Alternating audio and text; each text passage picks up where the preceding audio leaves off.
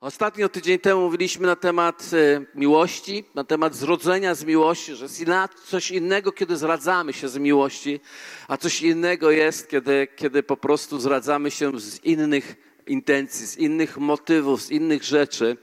A dzisiaj chciałbym troszkę powiedzieć o tym, że miłość nas przyodziewa że miłość nas ubiera i chcę dzisiaj mówić o czymś takim jak to, że zostaliśmy ubrani, czy Bóg chce ubrać nas, niezależnie od tego, w jakim miejscu w życiu jesteś, w nowe szaty.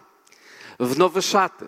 Wiecie, to jest ciekawa, ciekawa rzecz, dlatego że w Biblii, kiedy, kiedy określa się człowieka grzesznego, człowieka, który gdzieś tam upadł w swoim postawie, w swoim życiu, to mówi się o nim na przykład, że jest po prostu nagi nagi, albo że, jest, że jego szaty są brudne. Chciałbym przeczytać wam dwa fragmenty, które o tym mówią. Jeden jest z objawienia Jana, z rozdziału trzeciego, werset 17 do 18, mówi tak.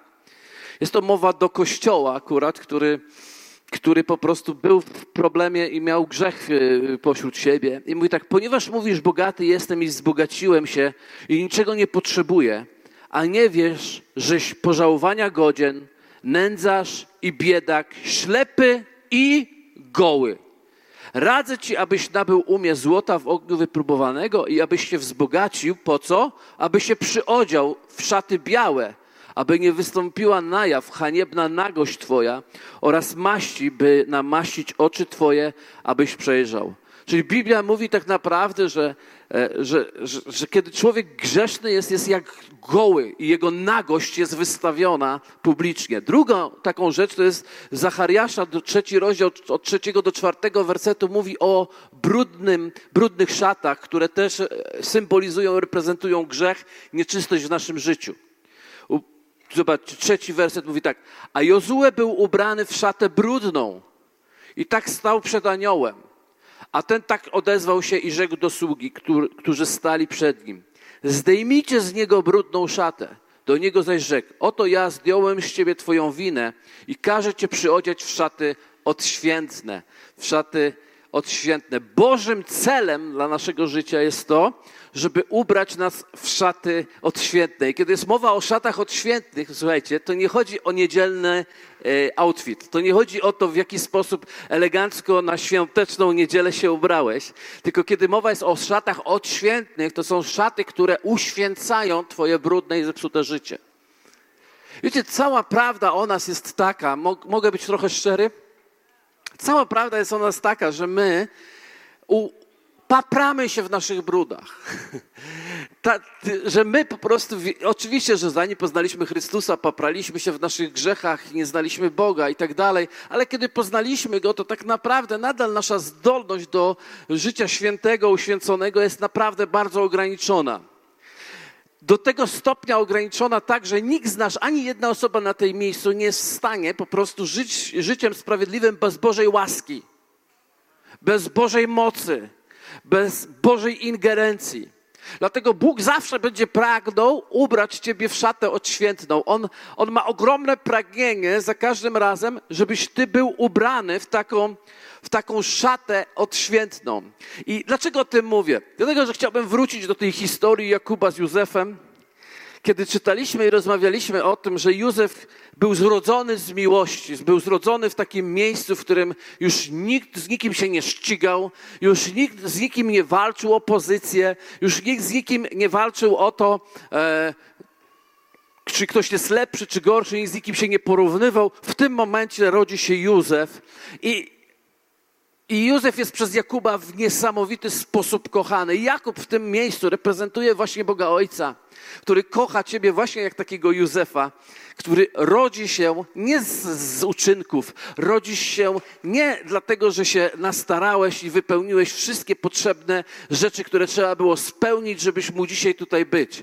Zrodziłeś się dlatego, że Bóg Ciebie ukochał i że bezwarunkowo Ciebie ukochał i postanowił, widząc to, w jakim miejscu jesteś, nie ocenić Cię w oparciu o miejsce, jakim jesteś, ale ocenił Ciebie w oparciu o dzieło Chrystusa, które dokonało oczyszczenia Ciebie ze wszystkich grzechów i zobaczył Ciebie w Chrystusie ubranego już.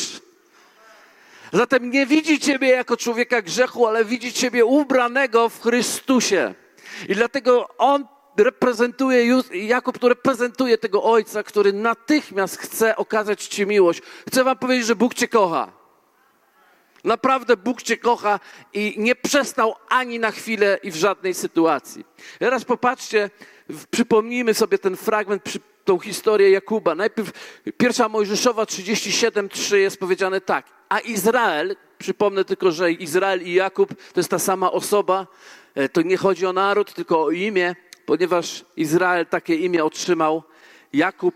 A Izrael kochał Józefa najbardziej ze wszystkich synów swoich i ponieważ urodził mu się na starość, sprawił mu też długą szatę z rękawami.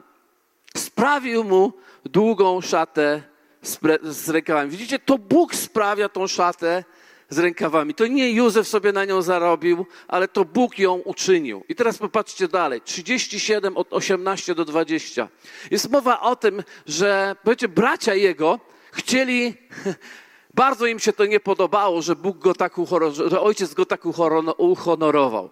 W związku z tym byli zazdrośni o to. Mieli z tym ogromny problem. Starali się jak mogli. Wiecie, ta, ta, ten motyw starania się o Bożą miłość ciągle się przejawia. Wystarczy, że otworzymy sobie e, Ewangelię Łukasza, 15 rozdział i tam czytamy o synu marnotrawnym i, i czytamy o, o, o, tym drugim bracie starszym, który całe życie próbował sobie zarobić na Bożą miłość. I kiedy ten marnotrawny w końcu wrócił i się nawrócił, to ten starszy mówi, hej, ojcze, co, co tu się w ogóle wyprawia? Ja całe życie pracuję, całe życie zasuwam, skarbię sobie Twoją miłość, a Ty bierzesz tego swojego syna, który poszedł i roztwonił z prostytutkami cały majątek, który wylądował w świniach, przychodzi tutaj i nic, jak gdyby nic, Ty imprezę dla niego szykujesz i go ubierasz w nową szatę. Zauważyliście to?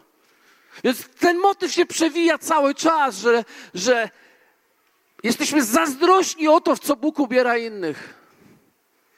Mamy ten gdzieś głęboko problem. I ci bracia są zazdrośni i któregoś dnia nie pasą trzody. Przychodzi do nich Józef wysłany przez ojca i zobaczcie, co się dzieje. Werset 18. I, ujrzał go, I ujrzeli go z daleka, lecz zanim się do nich zbliżył, mówili, że się, e, zmówili się, że go zabiją. Mówiąc jeden do drugiego, oto idzie ów mistrz od snów nurze, chodźmy i zabijmy go i wyrzućmy go do jakiejś studni, a potem powiemy, dziki zwierz go pożar, zobaczymy, co wyjdzie z jego snów. Bardzo ciekawa sytuacja. Wiecie, w tym wypadku no nie jest za fajnie, dlatego że bracia jego reprezentują tutaj intencję i myśl demoniczną. Oni tu reprezentują tę duchową siłę, która działa do dzisiaj, a opiera się na tym, że za każdym razem, kiedy Bóg Ciebie wybrał, kiedy Bóg Ciebie przyodział w nową szatę, diabeł natychmiast po, posyła do Ciebie wszystko, co może, żeby obedrzeć Ciebie z tej szaty i zabić. I, i ewidentnie zabić. To jest plan diabła dla Twojego życia. I teraz popatrzcie, co się dzieje. A gdy Józef przyszedł do braci swoich, ściągnęli z Józefa szatę jego, szatę z długimi rękawami, którą miał na sobie. Pochwycili go i wrzucili go do studni, a studnia ta była wyschnięta, a nie było w niej wody. 31 e, jeszcze werset przeczytajmy. Wtedy wzięli szatę Józefa, zabili kozła i umoczyli szatę we krwi. Wiecie, kiedy on przyszedł, oni pierwszą rzeczą, którą zrobili, to zdarli z niego szatę. To jest ten diabelski plan, który, który, który, który jest dla ciebie i przeciwko tobie skierowany. Diabeł chce zrobić wszystko, żebyś albo zabrudzić twoje szaty, albo zdjąć z ciebie twoje szaty. Za chwilę powiemy wam, powiem, postaram się powiedzieć wam, co to oznacza, że masz szatę na sobie założoną przez Boga. Ale chcę, żebyście wiedzieli, że jest realna bitwa, realna walka o to, aby, to, aby, aby tą szatę na sobie utrzymać. Dlatego, że diabeł chce zerwać z ciebie tą szatę. To jest pierwsza rzecz, którą chce zrobić. Dlaczego? Dlaczego? Dlatego, że to właśnie szata Chrystusa symbolizuje dwie rzeczy. Pozwólcie, że wam powiem. Symbolizuje miłość Bożą. Widzicie, ona była zrobiona z miłości, ale też sprawiedliwość, która pracuje e, wewnątrz nas. Szata mówi o naszej sprawiedliwości, która, e, która nie okłamuje, czyli nie mówi, że my już jesteśmy super, ale mówi, że my jesteśmy super w Chrystusie, a wszystko inne dzieje się na poziomie naszego wnętrza. Ponieważ mam jeden taki fragment przygotowany, to za chwilę do niego dojdę, ale zacznę, chcę Wam pokazać te trzy obszary, które się dzieją, które są wynikiem tego, że Bóg Ci daje, dał nową szatę. I dlaczego mamy, potrzebujemy się w nią ubierać, potrzebujemy ją nakładać. Wiecie, ta szata różnie się nazywa. W niektórych miejscach nazywa się płaszczem, w niektórych miejscach nazywa się zbroją nawet. W niektórych miejscach po prostu jest przyodzianie, przyodzienie, które Bóg pragnie Ciebie ubrać. I pierwszą rzeczą, pierwszym punktem, który chciałbym powiedzieć, że szata Ojca to jest miłość Boga wyrażona do Ciebie. To jest miłość Boga wyrażona do Ciebie. Co to oznacza? To oznacza, że na nią absolutnie nie zasługujesz. Nie zasługujesz w żadnym wypadku na tą miłość. To nie jest coś, co wypracowałeś. To jest coś, kto ktoś inny zdecydował się, aby Ciebie kochać. Wyobraź sobie, że jesteś właśnie takim stworzeniem, że ktoś, niezależnie od tego nawet, czy Ty czy ty myślisz o Bogu, czy ty kochasz Boga, czy ty chcesz, żeby Bóg był w twoim życiu, On i tak ciebie kocha. On się zdecydował ciebie kochać. On zdecydował się kochać nawet tym, którzy go bluźnią przeciwko niemu, którzy występują przeciwko niemu. On ich kocha cały czas, mając ból w sercu ze względu na sytuację, w jakiej oni są, a nie dlatego, że oni mówią na temat Boga źle. Dlatego Bóg zawsze wychodzi z miłością i zawsze ma gotową szatę i czeka, żeby nagiego przyodziać.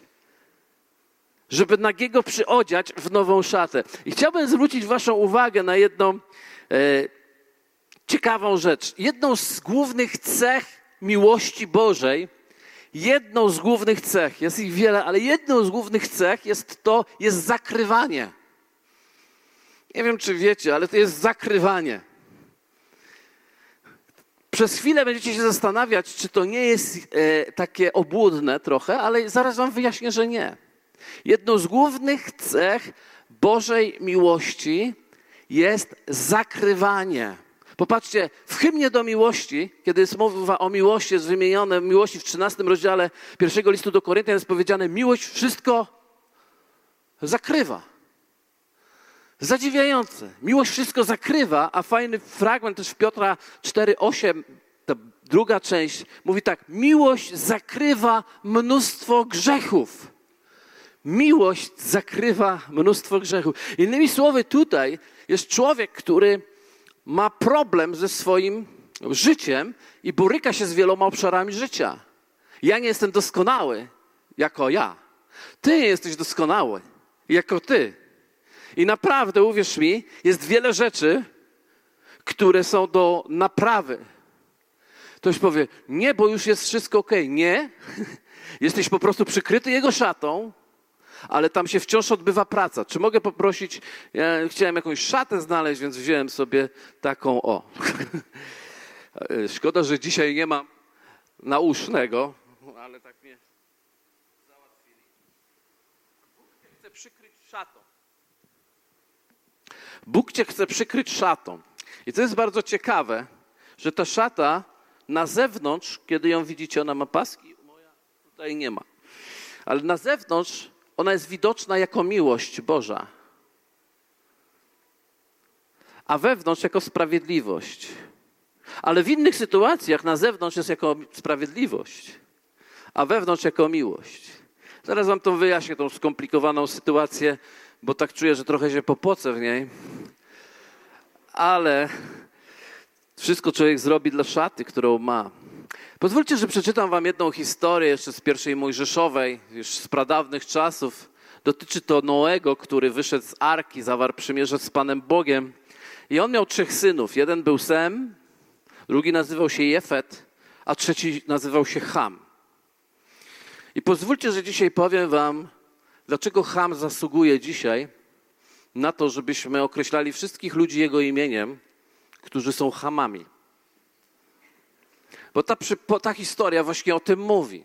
Nie wiem, czy wiecie, że to właśnie pochodzi z tego miejsca. Mówisz na kogoś, pan się pcha na Hama. Nigdy człowiek nie wie, na kogo się pcha, wiadomo. Ale, ale kiedy mówimy Ham, mówimy o kimś, kto jest e, bezczelny, kto jest e, arogancki, kto jest niewłaściwy. I to jest ta historia zawarta i pozwolę, że wam przeczytam. Synami Noego, którzy wyszli z Arki, byli Sem, Ham i Jefet, a Ham był ojcem Kanaana. Ci trzej byli synami Noego i z nich wywodziła, wywodzi się cała ludzkość. Noe, który był rolnikiem, uwaga, pierwszy raz, pierwszy założył winnicę. Gdy potem napił się wina, upił się i leżał odkryty w namiocie. Nie wiem, czy widzicie to, ale e, Noe się napił. Napił się i powiem wam się, upił się. To spowodowało również, że, że leżał i jego skarby były odkryte. To nie był za ciekawy widok. I teraz uważajcie dalej. Gdy po, I Acham, ojciec Kanaana, zobaczył nagość ojca swego i opowiedział o tym poza namiotem obu swoim braciom. Wtedy Sem i Jefet wzięli, może za chwilę dalej doczytam, ale popatrzcie. Ham zobaczył tą nagość i co zrobił? Wybiegł z namiotu, wybiegł z namiotu i opowiedział to braciom, i to jest ciekawe sformułowanie, poza namiotem. Tymczasem, kiedy Sem i Jefet to usłyszeli, wzięli płaszcz, założyli go odwrotnie na swoje plecy, jeden i drugi, weszli tyłem do, do swojego ojca, żeby nie widzieć nagości swojego ojca. I ją przykryli. Przykryli w taki sposób, żeby zakryć tą nagość, żeby uszanować ojca, pomimo tego, że to oni nie odpowiadają za sytuację, w której się znalazł, tylko ojciec znalazł się w tej sytuacji. Przez swoje własne, niewłaściwe postępowanie, przez to, że się najpierw upił, a potem leżał taki sposób. I Biblia świadczy o nich, że oni zrobili dobrze, a Ham był znany już na całym świecie po dzień dzisiejszy. Dlaczego?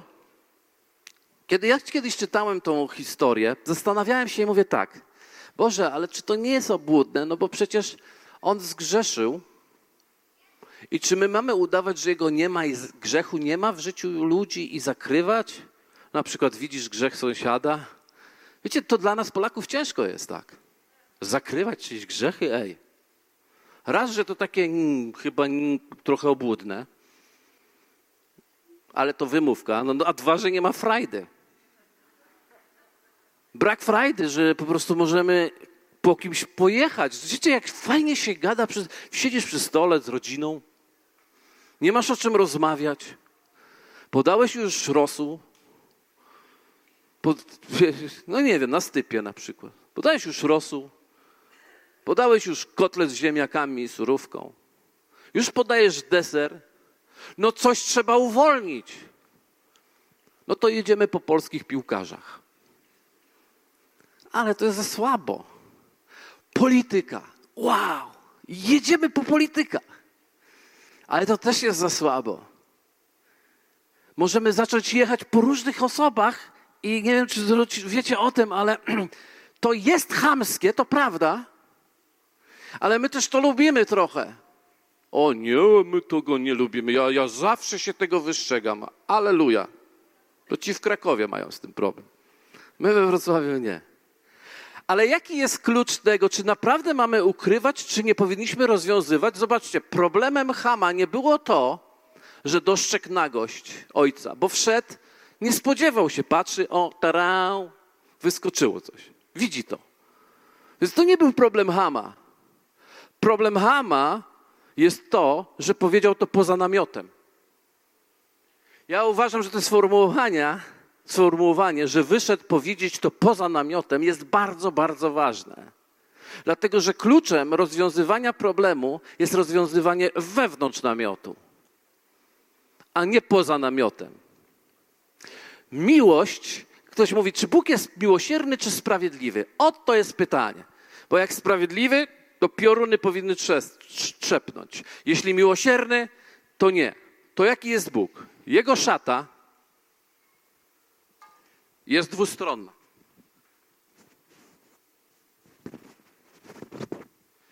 Zewnętrznie to jest miłość, która zakrywa.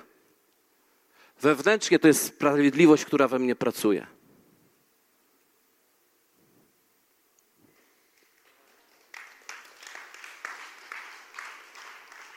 Miłość, która chroni i sprawiedliwość, która uzdrawia. Posłany jest tam Duch Święty, który pracuje w nas, a chroni nas. Wiecie, Bóg wie, że jesteśmy słabi i Bóg wie, że nasza nagość jest widoczna wszędzie.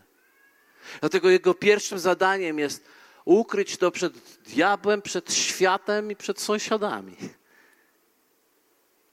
Ale wiecie, ilu z was wie, że Noe przepracował ten temat z powodu tego, co zrobił Sem i Jefet, kiedy go zakryli? Wiecie, nikt ci tobie nie musi mówić, że jesteś grzeszny, kiedy jesteś grzeszny. To, to, że zaczniemy to trąbić dookoła siebie i wszędzie, że ty jesteś grzeszny i niedobry, to wcale ci nie pomożemy. W namiocie moglibyśmy pomóc. Biblia zresztą daje na to zasady, że jeżeli ktoś widzisz grzeszy, to idź i go upomnij. W namiocie, ale nie poza namiotem. Zatem niezależnie od tego, jaką, jaką masz sytuację w swoim życiu dzisiaj, pierwszą rzeczą, którą Bóg chce ci powiedzieć, to to, że On chce cię zokryć. Nie miłością, która mówi wszystko w porządku, tylko miłością, która cię ochroni przed innymi, ale wypracuje sprawiedliwość w tobie, w swoim wnętrzu. Ponieważ do upamiętania nie prowadzi nas kara, ale do dobroć Pana prowadzi nas do upamiętania.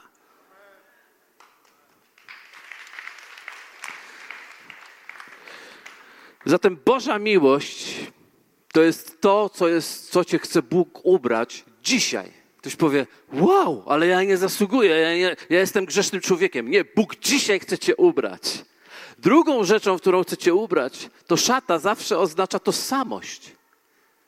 Szata mówi o tym, o tym, kim jesteś. Dla duchowego świata, duchowa szata, którą Bóg ubiera na ciebie, to jest twoja, reprezentuje twoją pozycję, twoją tożsamość.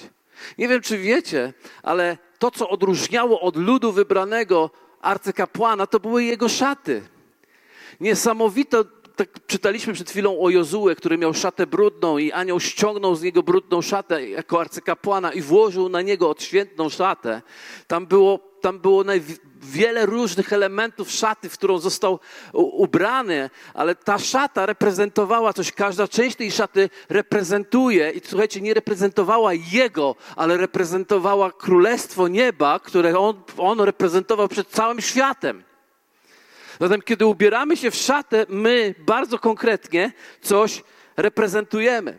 Zobaczcie, mówiłem o synu marnotrawnym, nie wiem, czy zwróciliście uwagę, ale kiedy on wrócił do swojego ojca i powiedział: Nie jestem godzien nazywać się Twoim synem, nie jestem godzien nazywać się Twoim synem, czyli on miał świadomość, że narozrabiał, a kiedy człowiek ma świadomość, że narozrabia, to od razu ma poczucie, że już nie może być w pozycji, w której był wcześniej.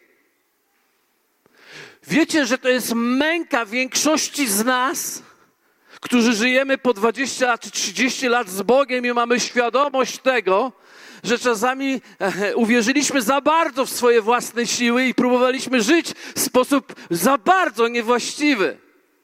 I pomyśleliśmy sobie, hej, okej, okay, na pewno Bóg mi jakoś tam przebacza, słyszałem, że mnie kocha, ale nie da mi już tej pozycji ten syn marnotrawny mówi, uczyń mnie chociażby jednym z najemników, tym, którzy zasuwają w polu. A wiecie, co powiedział ojciec, kiedy on przyszedł? 22 werset mówi tak. Ojciec zaś rzekł do sług swoich. Pierwszą rzeczą, którą powiedział, mówi tak. Przynieście najlepszy, szybko, najlepszą szatę i ubieźcie go. Dajcie mu też pierścień na jego rękę i sandały na jego nogi. Pierwszą rzeczą, którą zrobił ojciec, to ubrał syna swojego w szaty, które mówiły: To jest mój syn, który reprezentuje mnie. Czy wszystko było poukładane już? Nie. Czy wszystko było doskonałe? Nie. Ja jestem pewny w ogóle, że ten syn wrócił z wyrachowania trochę. On sobie siedział w tych świniach i mówił: Boże, ile to chleba, cudzy mojego ojca mają pod dostatkiem, a ja tu z głodu ginę. Wrócę i, po, i powiem mu tak, mam pomysł, powiem mu tak. Zgrzeszyłem względem Bogu i względem Ciebie, już nie jestem e, godzien nazywać się swoim synem. Co to jest? Wyrachowanie. Ktoś mówi, on się tam upamiętował. No nie, nie, on liczył koszty i straty i zyski. On mówi, wrócę do tego kościoła, bo jak było, tak było, ten pastor mnie wkurzał, lider mnie zaczepiał, ale coś się działo. Więc przyjdę, sprawdzę, wpuszczą, nie wpuszczą, bez zapisu wejdę. No i wpuścili, wszedłeś. I teraz jesteś. I chcę ci powiedzieć, może to zrobiłeś z wyrachowania, ale nadal jesteś przez Boga i przez nas ubierany w odświetną szatę, która mówi: Jesteś jednym z nas.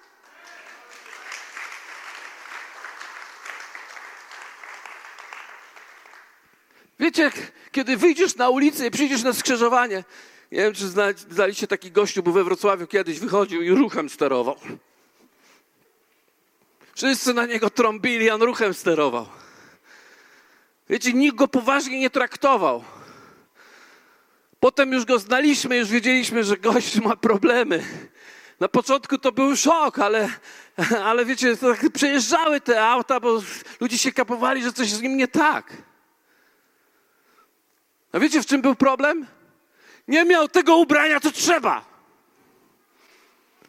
Bo gdy wyjdzie ubrany w mundur człowiek i zacznie robić tak, robi rękę tak, a tir staje. Nie ma tyle mocy, ten tir by go zabił, ale ze względu na szatę, którą ma ubraną, na mundur, który ma, wyciąga swoją rękę i ten w tirze wie, że widzi, jak on jest ubrany, widzi, że ma pagony, widzi, że ma czapkę z orzełkiem i że musi się zatrzymać. Bo za tym ubraniem stoi nie tylko ubranie, ale pozycja, autorytet i moc. Dlatego Chrystus nie tylko chce zakryć Twój grzech, ale On chce ubrać Ciebie w strój, w którym wyciągniesz rękę tak i wszelka potęga przeciwnika musi wyhamować, zatrzymać się i posłuchać Ciebie.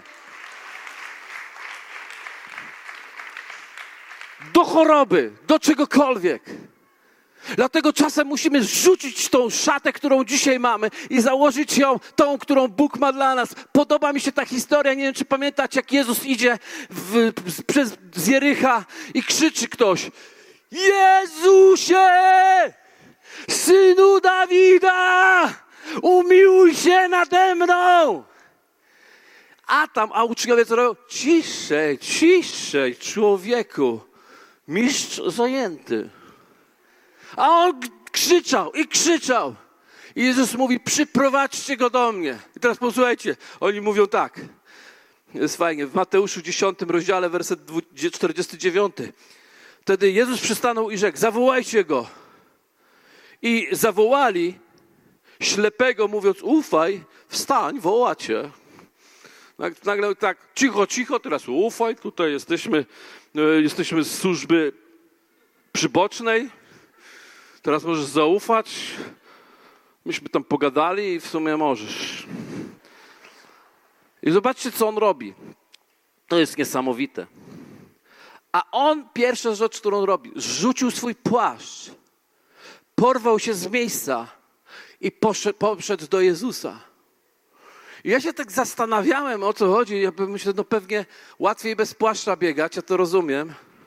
Ale kiedyś jeden z rabinów powiedział mi, że w tamtym czasie, jeżeli ktoś żebrał, również musiał mieć na to zezwolenie i musiał nawet płacić coś w rodzaju jakiegoś haraczu za to. A to pozwolenie dostawało się w ten sposób, że taka osoba otrzymywała płaszcz, która wszystkim mówiła w koło, że ten gościu żebra z, z pozwoleniem i we właściwy sposób. To nie jest gość po, po, po, po koszyk w Lidlu, to jest gościu, który dostał zezwolenie, żeby cię prosić o pieniądze. Więc ten płaszcz był jego tożsamością, którą mówi: Ja tu żebram i mam prawo żebrać i będę żył z tego, co żebram, bo jestem ślepy. Ale kiedy Jezus go zawołał, on pierwsze co zrobił, mam w nosie już tą tożsamość. Ja chcę iść do tego, który żyje, który króluje i który ubierze mnie w swoją tożsamość.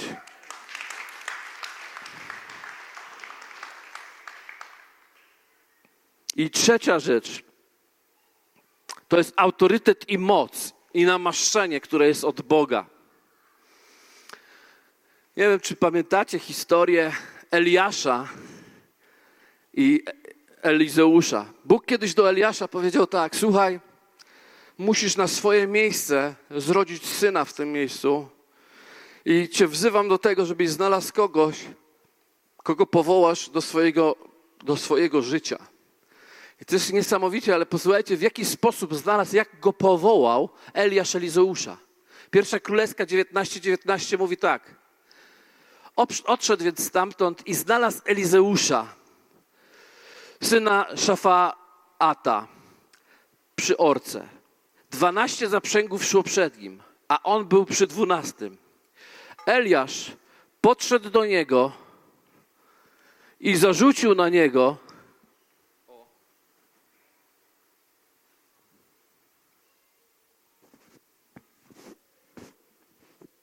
swój płaszcz. W ten sposób go powołał. Dlaczego? Dlatego, że Elizeusz, Eliasz powiedział tak: Elizeuszu, kiedy będą na ciebie patrzeć, będą widzieć moje namaszczenie, będą widzieć mnie. Kiedy Bóg zakłada ci płaszcz na ciebie, możesz już ściągnąć, bo się zagotujesz zaraz. Coś o tym wiem. Kiedy Bóg zarzuca płaszcz na ciebie, to on powie, powiedział tak: Synu, mówi córko, zarzucam na ciebie płaszcz. Dlaczego? Dlatego, że kiedy ludzie będą na ciebie patrzeć, nie będą widzieć ciebie tylko jako ciebie, ale będą widzieć mnie, kiedy będą patrzeć na ciebie. Ilu z Was wie, że potrzebujemy takiego płaszcza? Duchowego płaszcza, kiedy ludzie, że ludzie będą patrzeć na nas i widzieć Jego. I popatrzcie, co się stało dalej. Kiedy Eliasz już odchodził i został powołany do Boga, wiecie w jaki sposób on odszedł? Czytamy tak, drugi rozdział drugiej królewskiej, 8 do 15. Wtedy Eliasz zdjął swój płaszcz, oni szli, doszli do, do Jordanu i Jordan płynął i zobaczcie, co zrobił. Wtedy Eliasz zdjął swój płaszcz, zwinął go i uderzył nim w wodę, a ta rozstąpiła się w jedną i w drugą stronę. Oni obaj zaś przeszli po suchej ziemi. Gdy zaś przeszli, rzekł Eliasz do Elizeusza, proś, co mam dla ciebie uczynić, zanim zostanę wzięty od ciebie. Elizeusz zaś odpowiedział, proszę, niech przypadną w udziale dwie porcje twojego ducha. Ja wiem, że tam jest inaczej napisane, ale to jest źle napisane. Oryginał mówi podwójną porcję tego, co ty masz. Wow! Eliasz był namaszczonym prorokiem, czyniącym cuda, sprowadzającym ogień z nieba, zatrzymującym deszcz, zrywającym ten deszcz z powrotem, robiącym niesamowite rzeczy, a Elizeusz mówi, ja chcę podwójną porcję tego, co ty masz. Posłuchajcie. A on odpowiedział, o trudną rzecz poprosiłeś, Lecz jeśli mnie ujrzysz w chwili, gdy będę od ciebie wzięty, spełni ci się to, a jeśli nie, to się nie spełni. A gdy oni szli dalej, wciąż rozmawiając, oto rydwan ognisty i konie ogniste oddzieliły ich od siebie i Eliasz wśród burzy wstąpił do nieba. Elizeusz zaś, widząc to, zawołał: Ojcze mój, ojcze mój, rydwanie Izraela i jego konnico, i już go nie zobaczył. Pochwycił tedy swoje szaty, rozdarł je na dwie części i podniósłszy płaszcz Eliasza, który zsunął się z niego, zwrócił, zawrócił i stanął nad brzegiem Jordanu. Następnie wziął płaszcz Eliasza, który zsunął się z niego i uderzył nim w wodę i rzekł: Gdzie jest Pan Bóg Eliasza? Również gdy on uderzył w wodę, rozstąpiła się ona jedno, na jedną i drugą stronę i Elizeusz przeszedł. A gdy to zobaczyli, sprzeciwka uczniowie prorocy z Jericha rzekli, duch Eliasza spoczął na Elizeuszu, wyszli więc na jego spotkanie i pokłonili mu się aż do ziemi. Więc płaszcz Eliasza został nałożony na Elizeusza i Elizeusz otrzymał podwójną porcję tego, co, co, co Eliasz miał. Ktoś powie, wow, jakim możliwością podwójną? Słuchajcie, Jezus to powiedział. On to powiedział. Powiedział tak, jeśli nie odejdę od was, pocieszyciel nie przyjdzie. A jeśli odejdę, wtedy on przyjdzie. I mówi tak, i będziecie czynić te same rzeczy, które ja czynię, ale nawet i większe, dlatego że ja idę do Ojca mego. Więc ty dzisiaj, kiedy Bóg przychodzi do ciebie, On chce cię okryć płaszczem, który jest płaszczem autorytetu, mocy i uznania, który miał Jezus, namaszczenia, które posiadał na sobie Jezus Chrystus. Aleluja. Aleluja. Aleluja. Teraz uważaj. Nie oddawaj tego płaszcza za miskę zupy. Nie oddawaj tego płaszcza za nic. Dlaczego? Dlatego, że to jest płaszcz dany dla ciebie, dla twojego życia. Ten płaszcz to jest płaszcz Bożej miłości, która dokona pracę w tobie. Ten płaszcz to jest płaszcz Bożej tożsamości, która uczyni ciebie. I ten płaszcz to jest płaszcz Bożego namaszczenia, która uzdolni ciebie do dokonania Jego na dzieła na ziemi. Ktoś powie, czy ktoś chce takiego płaszcza? Halleluja. Chcę ci powiedzieć, że Bóg zakłada na ciebie cały czas ten płaszcz. Czy możesz założyć na mnie ten płaszcz? To jest Bóg, to jest chrześcijanin dzisiejszych czasów. O, dzięki Ci, Panie, Ty jesteś taki kochany. Dzięki Ci, Panie. Aleluja. Czy możesz założyć na mnie ten płaszcz? O Boże, tak źle mi, tak mi niedobrze, to jakieś życie ciężkie, Polska. O, chwała Ci, chwała Ci, Jezu. O, chwała Ci, Panie pandemia, zarazy, wirusy, skurcze, PiS, FIS, FIS, Polacy, Polacy, piłka nożna. O, chwała Ci jest. O, chwała Ci jest. Dzięki. Ale ze Słowacją? Panie, no.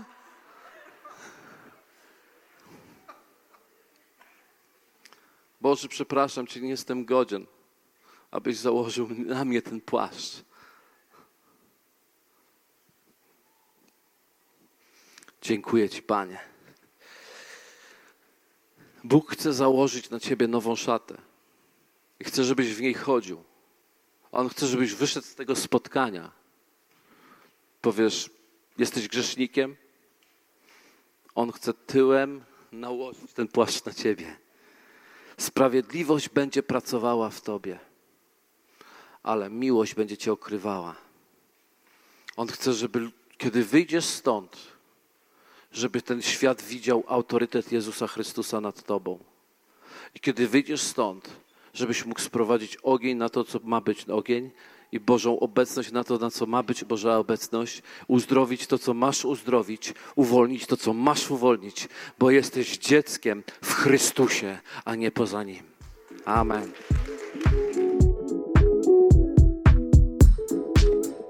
Dzięki za odsłuchanie podcastu Kościoła Wrocław dla Jezusa.